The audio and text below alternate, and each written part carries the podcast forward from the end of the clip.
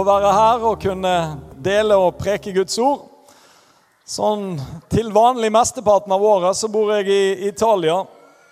Så for å oppmuntre det litt, så var jeg på en konferanse i Palermo for to uker siden og prekte. Da hadde jeg to, tre, fire To, tre, fire timer på stranden.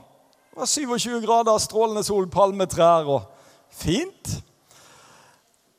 Det er ikke bare sånn Italia oppleves når man bor der. Men det har et kjempepotensial for eh, Guds rike. Det er virkelig, virkelig privilegium å få lov å være med og tjene Herren der. I dag så eh, skal jeg preke Guds ord. Jeg bruker kanskje enkelte eksempler fra Italia. Men eh, vi skal studere Guds ord. Før vi begynner med det, så vil jeg bare si noe som jeg tenkte på. det at jeg gikk på bibelskole i Sør-Afrika i gamle dager. Da var det ca. 15 000-20 000 medlemmer i forsamlingen. Og så var jeg der på bibelskole, og de hadde en pastor som var verdensberømt og reiste rundt og prekte i hele verden på store arrangementer og var skikkelig berømt. Og så kan jeg huske det at eh, en gang jeg skulle på møte, så spurte jeg ja, dere skal vel på møte i dag. Nei, det var bare pastoren som prekte, så de hadde ikke tenkt seg på møte. Da tenkte jeg her kommer jeg fra andre siden av kloden for å sitte under denne pastorens forkynnelse. Og i hele verden så kommer det tusenvis av mennesker for å høre. Mens de som var blitt vant med han, de sa nei, det var bare pastoren som skulle preke i dag. Så jeg håper ikke det blir sånn for dere eller for noen av oss. Eh, jeg husker på å være takknemlig for de tjenerne Anne og Stefan Kristiansen og andre Herrens ledere i forsamlingene som som ute i den store verden virkelig er eh, anerkjent. Jeg var med Stefan til Amerika og opplevde at det finnes mange mennesker på denne planeten som har skjønt det kallet og den tjenesten de står i. Så nå må vi huske på dem i bønn, be for dem og være takknemlige at Gud har satt dem her i Oslo. Så begynner vi med Guds ord. Hva er eh, Guds drøm? Hva er Guds drøm? Vi skal snakke litt om drømmer i dag. Så kan det jo hende at noen av oss har hatt enkelte drømmer som ikke ble sånn som man tenkte. Det kan hende. Eh, Guds drøm i begynnelsen det var at han ønsket å skape mennesker med en fri vilje, som ville velge å elske og tjene og leve sitt liv for han sammen med han. Så vet vi hva som skjedde. Så kom djevelen og sa Neimen, har Gud virkelig sagt? Har Gud virkelig ment at dere ikke kan gjøre det dere har lyst til sjøl? Og så ble de litt forvirret. Så tenkte jeg nei, kanskje vi kan velge selv og gjøre det vi syns er bra. Og så vet vi at da raste deres drøm og Guds drøm sammen. Og alt det onde kom inn på denne planeten som Gud aldri hadde tenkt. Neste som skjer, det er at Gud i himmelen bestemmer seg for å gjøre noe som jeg tror ingen av oss kan skjønne. Han bestemmer seg for å sende Jesus til denne jorden. Hvis du hadde vært det rikeste mennesket og det beste stedet på denne kloden, i det flotteste villaen, og skulle flytte til det verste krigssonen der ISIS herjer og regjerer, så er den overgangen som det var for Jesus å komme hit til jorden, en million ganger verre. Men Jesus valgte å komme ned. Og ikke bare valgte han å leve og ofre og komme hit. Han valgte samtidig å gå til korset. Når Jesus går til korset, så er det en million ganger verre enn det å forlate himmelen og komme hit til jorden.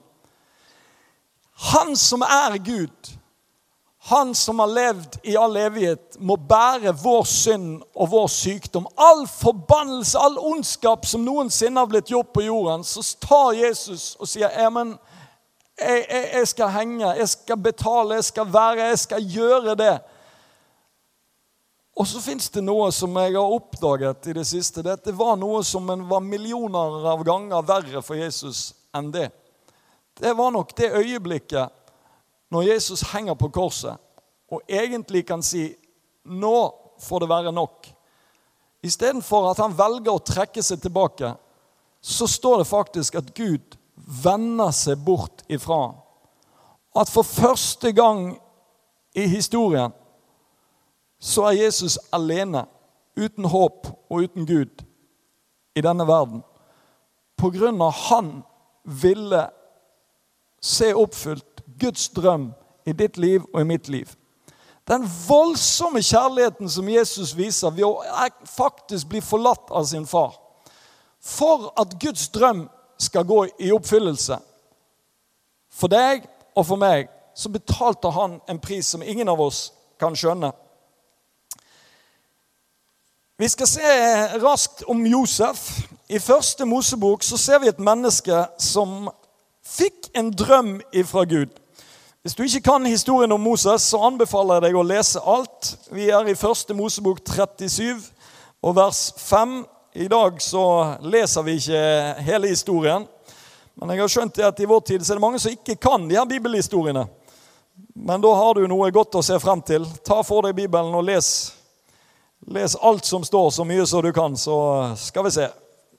Første Mosebok 37 og vers 5 så står det om Josef som fikk en drøm ifra himmelens Gud.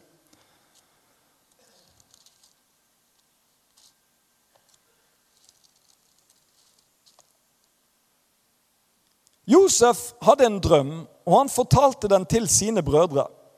Da hatet de ham enda mer, så han sa til dem, dere må høre på denne drømmen jeg har hatt. Se, vi holdt på å binde kornåker på åkeren, og se, kornbåndet mitt reiste seg og ble stående. Kornbånden deres sto i ring rundt og falt ned for kornbåndet mitt. Hans brødre sa til ham, skal du virkelig være konge over oss? Skal du virkelig herske over oss? Så hatet de ham enda mer for drømmen hans og for det han sa. Så hadde han enda en drøm, og han fortalte den til sine brødre. Han sa, se, jeg har hatt enda en drøm, og se, solen, månen og elleve stjerner falt ned for meg. Han fortalte det til sin far og sine brødre, mens hans far kjente på ham og sa til ham, 'Hva er det for en drøm du har hatt?' 'Skal din mor og jeg og dine brødre virkelig komme og bøye oss til jorden for deg?'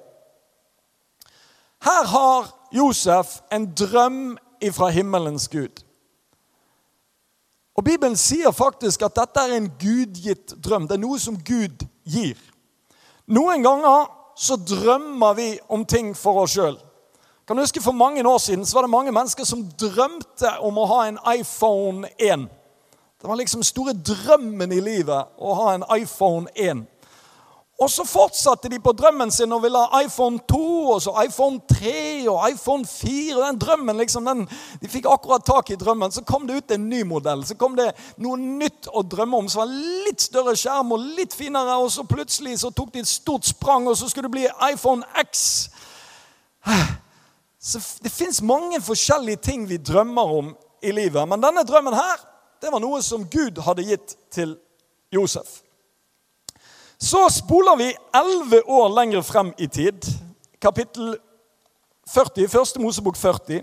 Etter at Josef har gått gjennom de verste ting han ble forrådt av sine brødre. De prøvde å drepe han. Han ble solgt som slave. Han prøvde å tjene Gud og stå imot synd. Han gjorde alt det som var riktig på alle livets områder. Og hver gang han begynte å få litt hodet over vann, så ble han trykket ned i et fengsel i noe forferdelige greier som skjedde. Elleve år seinere så kommer det noen til Josef. Så står det i første Mosebok 4, nei 40, 8 og 11. De sa til ham, 'Vi har begge hatt en drøm, og det er ingen som kan tyde den.' Så sa Josef til dem, 'Er det ikke Gud som har tydningen?' 'Fortell den nå til meg.' Så står det i vers 11. Så jeg hadde begeret Nei, vi kan fortsette. Den øvrige hovmesteren fortalte drømmen sin til Josef og sa til ham.: Se, i drømmen min sto det et vintre foran meg. På vintreet var det tre grener. Straks skjøt det knopper og sprang blomsten ut, og klasene bugnet av modne druer. Så hadde jeg begeret til farao i hånden. Jeg tok druene, presset den ut i faraos beger og satte begeret i hånden til farao. Her hadde du to mennesker, dette er en av drømmen, som kom til Josef. Og Nå vet jeg ikke jeg om det er sånn med deg, men hvis Gud har gitt meg en drøm, og så jobber man med den drømmen i elleve år og du prøver så godt du kan å få fullført drømmen, og du ber og du jobber og du satser alt du kan, og hver gang du tror at det nesten lykkes, så faller ting sammen. Og så kommer det noen til deg. Så sier de, 'Hei, kan du hjelpe meg med drømmen min?' Drømmen din? Du vet ikke at Gud i himmelen har gitt meg en drøm. Du skal vite den drømmen som jeg hadde. Det var en viktig drøm, det. Men etterpå så har mennesker forrådt meg, og ting har skåret seg. Og ikke kom her med dine greier, dine problemer, dine vanskeligheter og dine ting. Du skal vite hvor Det må være veldig lett for han å bli selvisk og tenke på sin egen drøm med bitterhet i hjertet.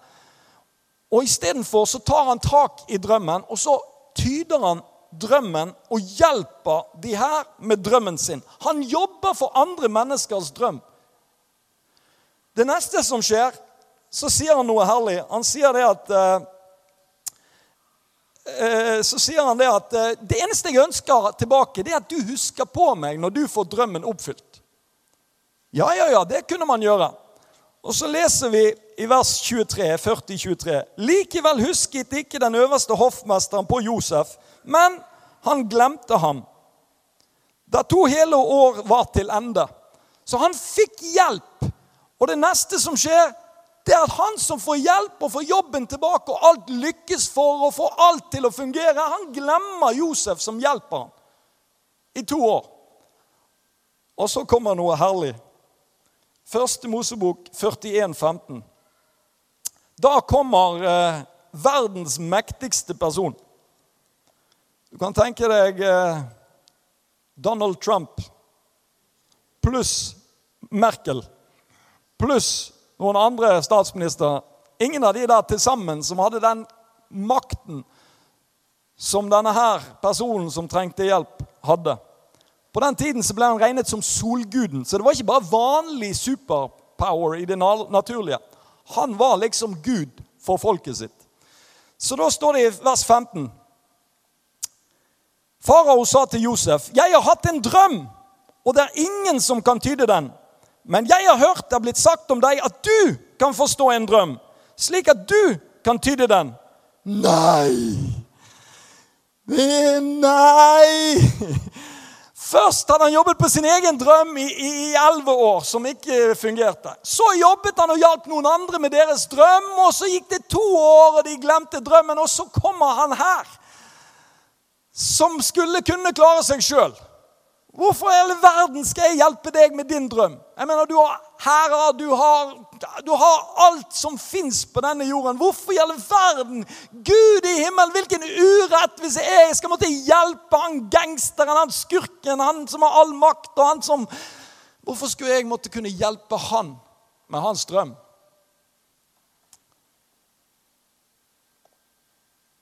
Og hva skjer? Så begynner Josef å tyde drømmen. Og så står det i vers etter han har tydet drømmen i vers 37. Dette rådet var godt i faraos øyne og i alle hans tjeneres øyne. Farao sa til tjenerne sine, kan vi finne en mann som denne, en som Guds ånd bor i?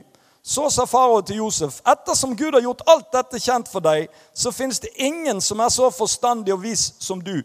Du skal settes over mitt hus, og alt folket mitt skal styres etter ditt ord. Bare når det gjelder tronen, skal jeg være større enn deg. Hva er det som skjer?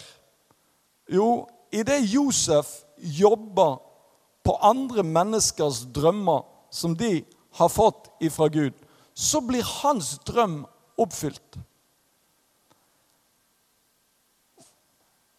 Hvordan er det Gud ønsker å virke i vår tid?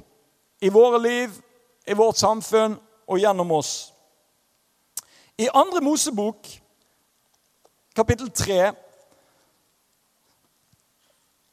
Så skal vi fortsette historien litt. Og i andre Mosebok 3, 7-9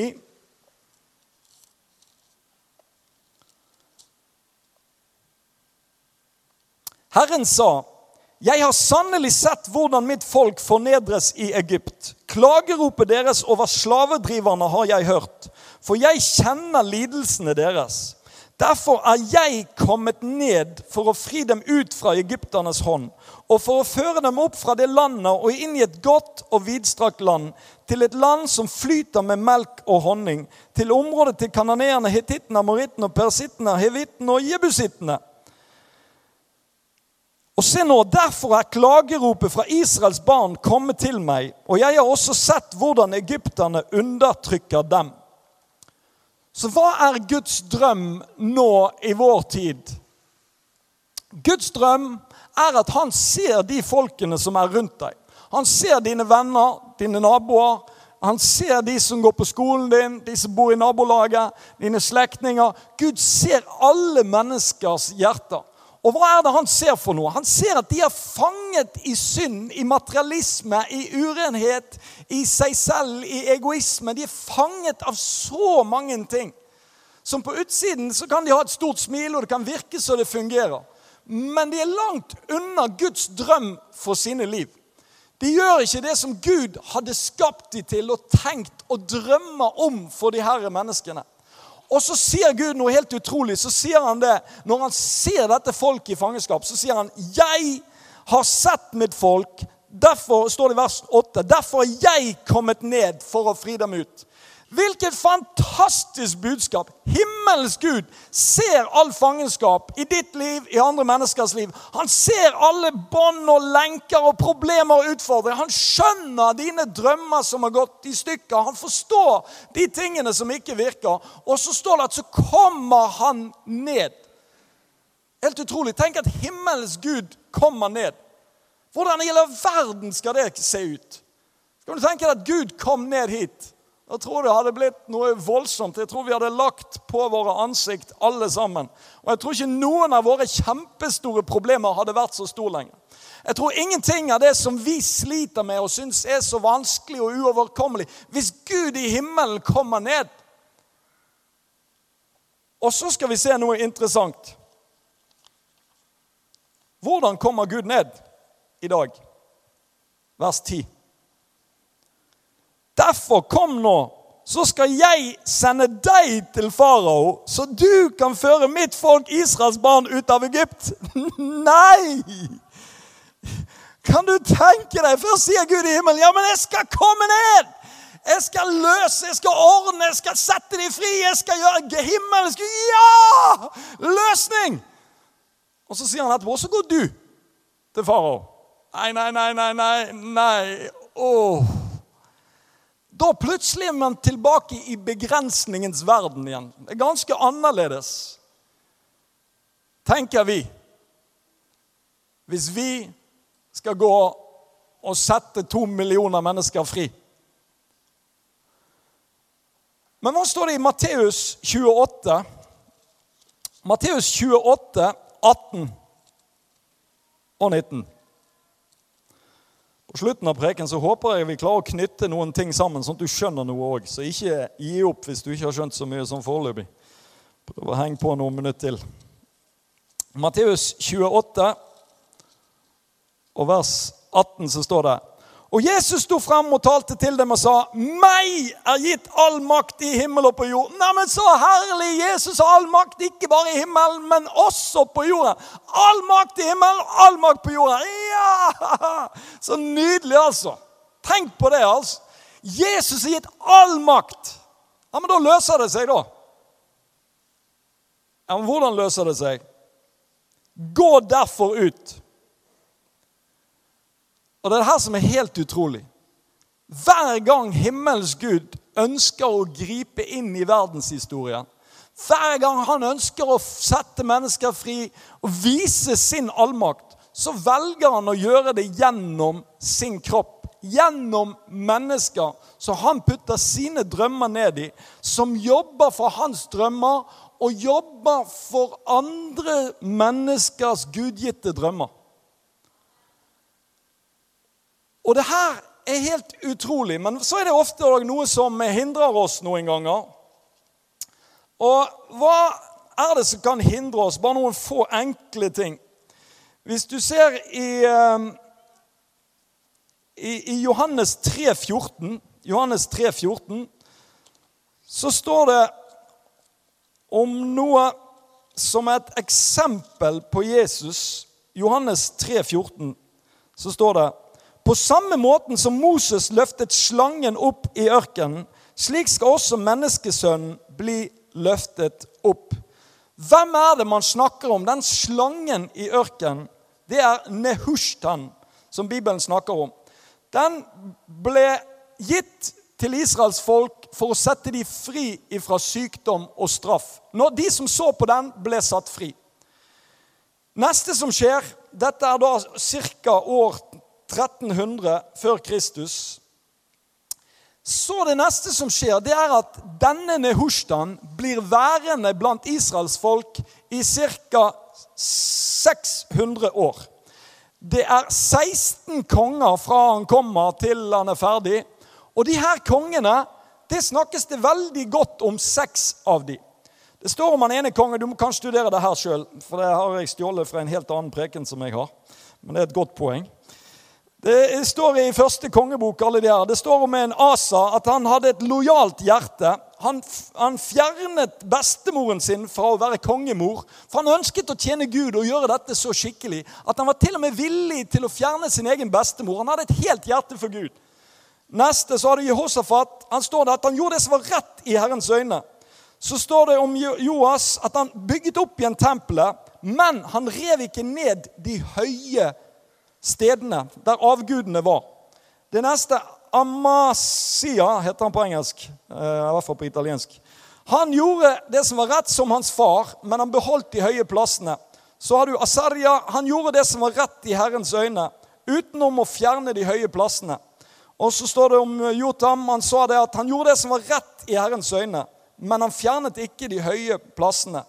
Og så står det om Hesekia. Han gjorde det som var rett i Herrens øyne. Andre kongebok 18, 1-7 kan du lese. Han fjernet de høye plassene og ødela Nehushtan.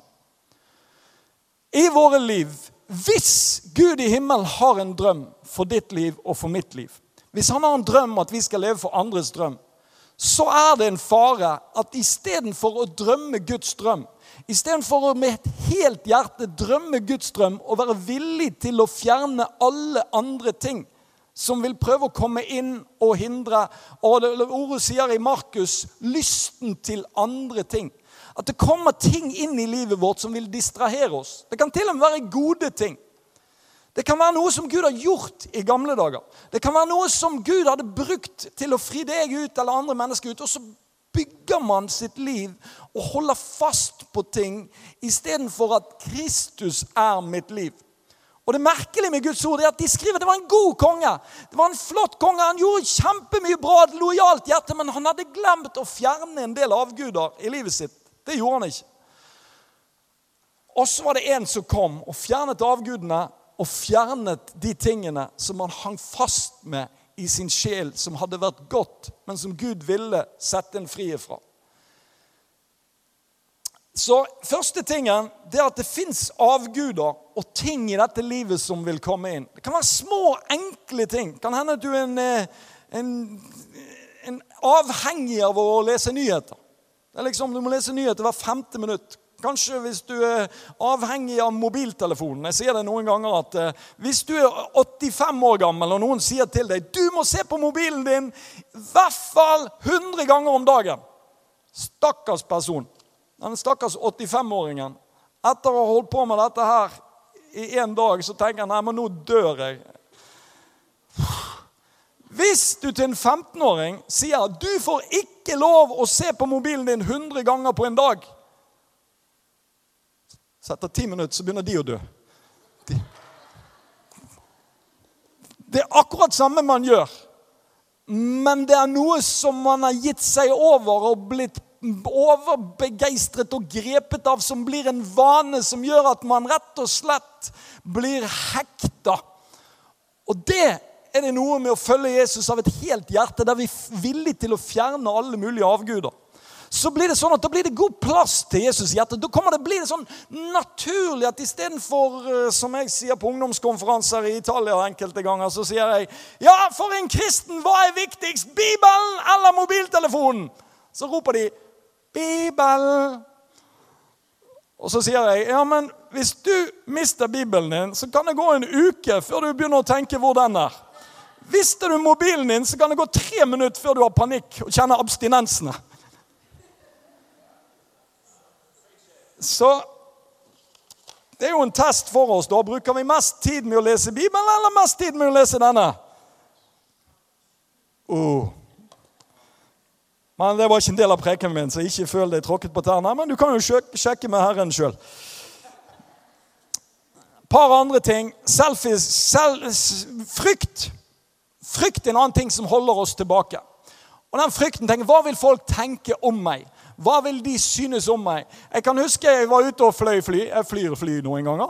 Og så skulle jeg preke til en dame. Hun var herlig italiensk, men hun kunne så godt engelsk. Så da tenker jeg, nå preket hun på engelsk. Jeg preket hun på engelsk. Han som sitter mellom oss, er veldig stille inntil jeg forklarer at islam det er en falsk religion. Det fører ikke til Gud. Da begynner han å snakke engelsk. Excuse me, it's not like that. Not, no. Ut, Han kunne engelsk, han òg. Okay. Så da sier jeg unnskyld. Jeg kan snakke med deg etterpå. Skal bare gjøre ferdig med hun. Da kan vi snakke på italiensk. Ja, men det var greit.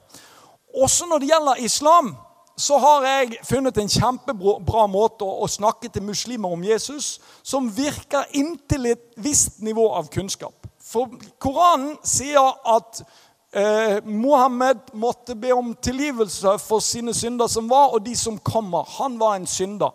Mens Koranen sier at Jesus var feilfri og hellig. Så da sier jeg, Det er derfor Jesus kan dø for din synd og min synd. Fordi at han var feilfri og hadde ikke sin egen synd. Sånn som Koranen sier at Jesus var hellig og feilfri, derfor døde han. Så da preker Det pleier de å se stort på meg og tenke ok, hvis Koranen sa det, så går det bra. Han her var på sånn imamnivå. Og så langt er ikke jeg kommet ennå. Så, så da sier jeg til han at ja, prøver jeg å preke litt til han litt sånn enkelt. Og så sier jeg du, vi kan gjøre én ting. Jeg kan be for deg, og så ber du for meg. Jo, det var greit. Og så sitter vi inne på flyet. Og Kanskje du syns det er skummelt å be for noen inne på et fly. Skal jeg si Det en ting, det er ikke skummelt i det hele tatt. Det går veldig bra, for da må alle de foran på raden foran de blir nødt til å høre dine bønner. Og så bare snakker du høyt, for da er det mange som kan høre om Jesus. Hvorfor bryr vi oss om hva folk tenker hvis vi er døde med Kristus? Hvis det ikke er lenger jeg som lever, men Kristus lever i meg, så tror jeg ikke Jesus Kristus hadde vært flau for å fortelle om Jesus Kristus. Så Noen ganger så har ikke vi skjønt i hele tatt hva det dreier seg om. Vi er døde og begravet. Så det livet jeg nå lever, lever jeg i troen på Guds sønn, som elsket meg og ga seg selv for meg. Men hvorfor ble jeg litt nervøs akkurat på den flyturen? Jo, for det som skjer, er at jeg legger hendene på han, og så begynner jeg å be. Takk, Far i himmelen, at du åpner hans forblindede øyne, at du viser han din kjærlighet, Jesus, at du døde på korset for hans synd, at du setter ham fri. Og jeg ber så det knaker. Og så hører jeg han, så begynner han òg å be. Allah akbar! Da, da, ble jeg litt nervøs. Før alle terrorangrep vet du, så roper de 'Allah akbar'! Inne på et fly. Han begynner å rope 'Allah akbar'. Allah akbar! Jeg tenker 'Oi, hjelp og hjelp'. Så da må jeg si at da tenkte jeg 'Å, kjære tid'. Tenk om noen hørte dette, du. Han sa det ganske høyt òg. Han var ikke så veldig flau, han heller. Så da var jeg tenkte skal jeg fortsette å be. Tenk om han sier det flere ganger. Skal jeg stoppe å be? Så jeg fant ut vi får fortsette å be. Kjære Gud i himmelen. Så, så, noen ganger så tenker vi altfor mye på oss selv. Hva folk tenker, hva vil skje, hva tror de, osv. Det er rett og slett noe ved Guds nåde vi må slutte med. Så skal jeg eh, Hvis og så den aller siste lille tingen Hvis vi tror at noe tilhører oss kan du, Hvis du har en lommebok så Hvis jeg spør om å få låne en lommebok, så er det kanskje noen som er villig til å låne med lommeboken sin. Noen skal gjøre det litt vanskeligere for deg. Jeg har bruk for en lommebok som du aldri i verden får tilbake. Ikke resten av livet, ikke kortene, ikke pengene, ingenting. Du bare gir den til meg, og så er det slutt på at du har den lommeboken. Da skal den være min resten av livet. Skal vi se, Hvor mange er det da som er villig til å gi bort lommeboken her? Det var to. Ok, vi tar den første. Takk. Du vet du får den aldri tilbake. Greit. Skal vi spørre deg, Var det en dum eller vond opplevelse, eller føltes det liksom trist? Litt trist. Var det veldig trist, eller hvor trist var det? Bare litt trist. Bare litt trist. Hvorfor var det litt trist og ikke så veldig trist? For det er ikke min lommebok. Det hjelper utrolig godt, for det var min lommebok som jeg hadde gitt til han først. Og Da er det mye enklere hvis du bare skjønner det er ikke ditt liv lenger. Så blir livet mye enklere å leve. For hvis han har kjøpt oss, han har betalt oss, og så spør han om å få det tilbake, ja, men det, det er jo greit. Vær så god.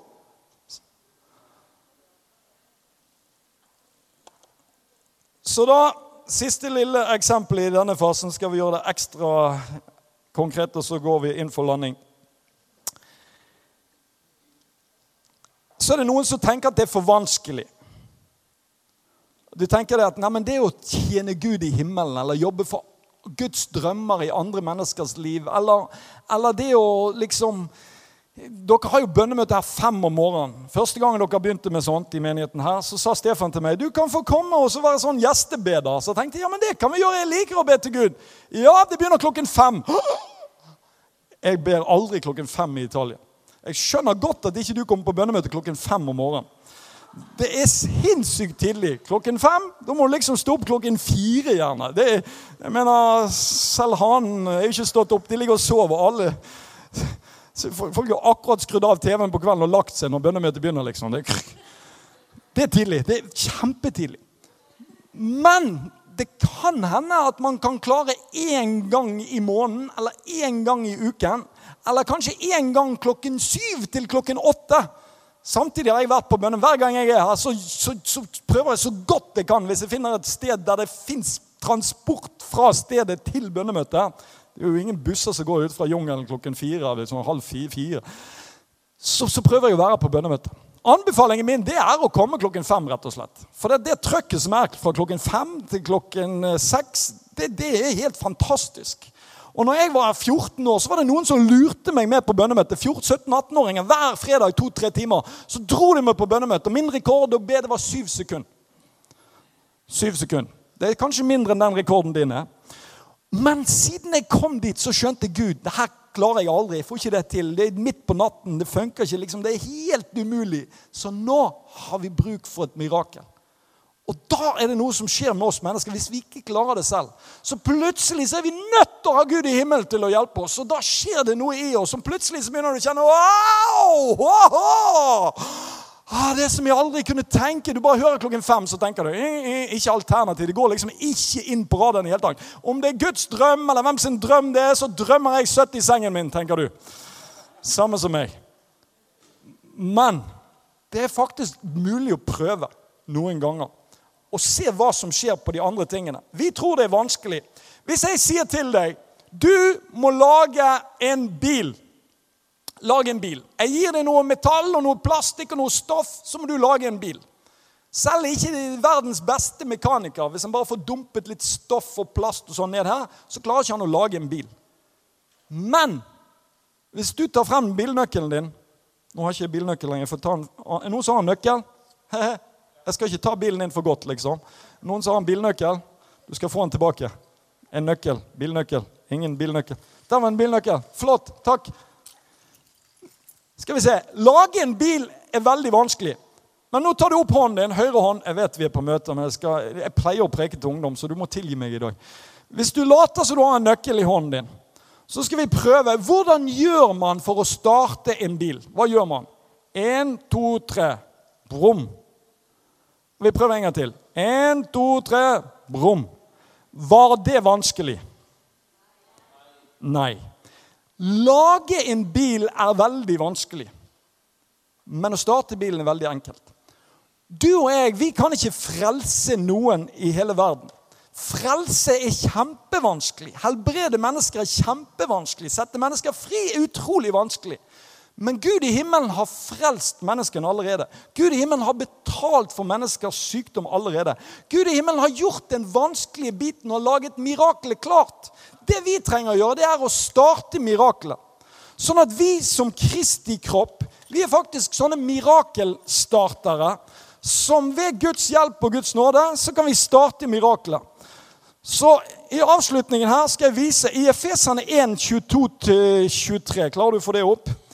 Efesene 1, 22-23. Skal jeg vise deg et bibelvers? Veldig konkret vise. Så står det Og han la alle ting under hans føtter og ga ham til menigheten som hode over alle ting. Menigheten som er hans kropp, fylden av han som fyller alt i alle.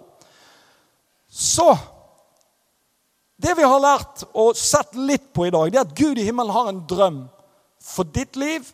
Og Gud i himmelen har en drøm for andre menneskers liv som de skal utføre og fullføre. Og så sier han ja, men da er han stiller all kraften og muligheten til disposisjon. Vi må holde hjertet vårt fritt fra bitterhet og frykt og tenke på oss selv og alle andre ting. Og så sitter Jesus som er hodet for menigheten. Så tenker Jesus jeg ønsker å nå ut til denne verden med frelse. Så tenker vi nei, men jeg klarer ikke å frelse noen. Men kanskje ved å preke evangeliet. Kraften i evangeliet forløses når vi forkynner om Jesus. Og det er han som frelser, det er han som helbreder. Vi må bare være Kristi kropp. Så hvis jeg nå er Jesus, som er hodet for menigheten, og dere er menigheten, så ønsker jeg Jesus nå å komme meg ut i den eh, store verden, bort dit f.eks. Hva gjør du da som Guds menighet?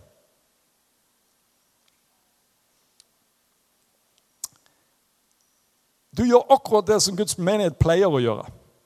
Du sitter der og ser på. Og tenker at ja, vi får håpe noe skjer. Så du er Kristi kropp. Jeg er Jesus som er hodet for menigheten.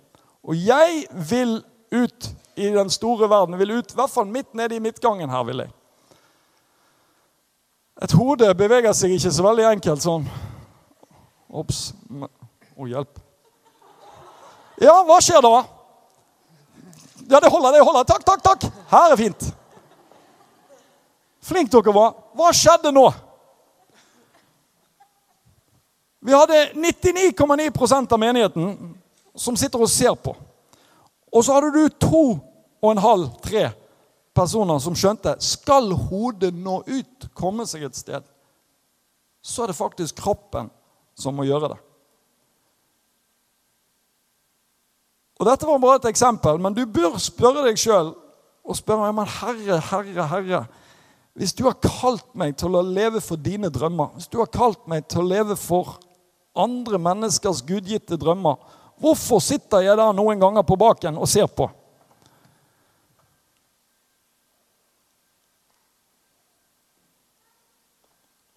Og hva skjer hvis vi begynner?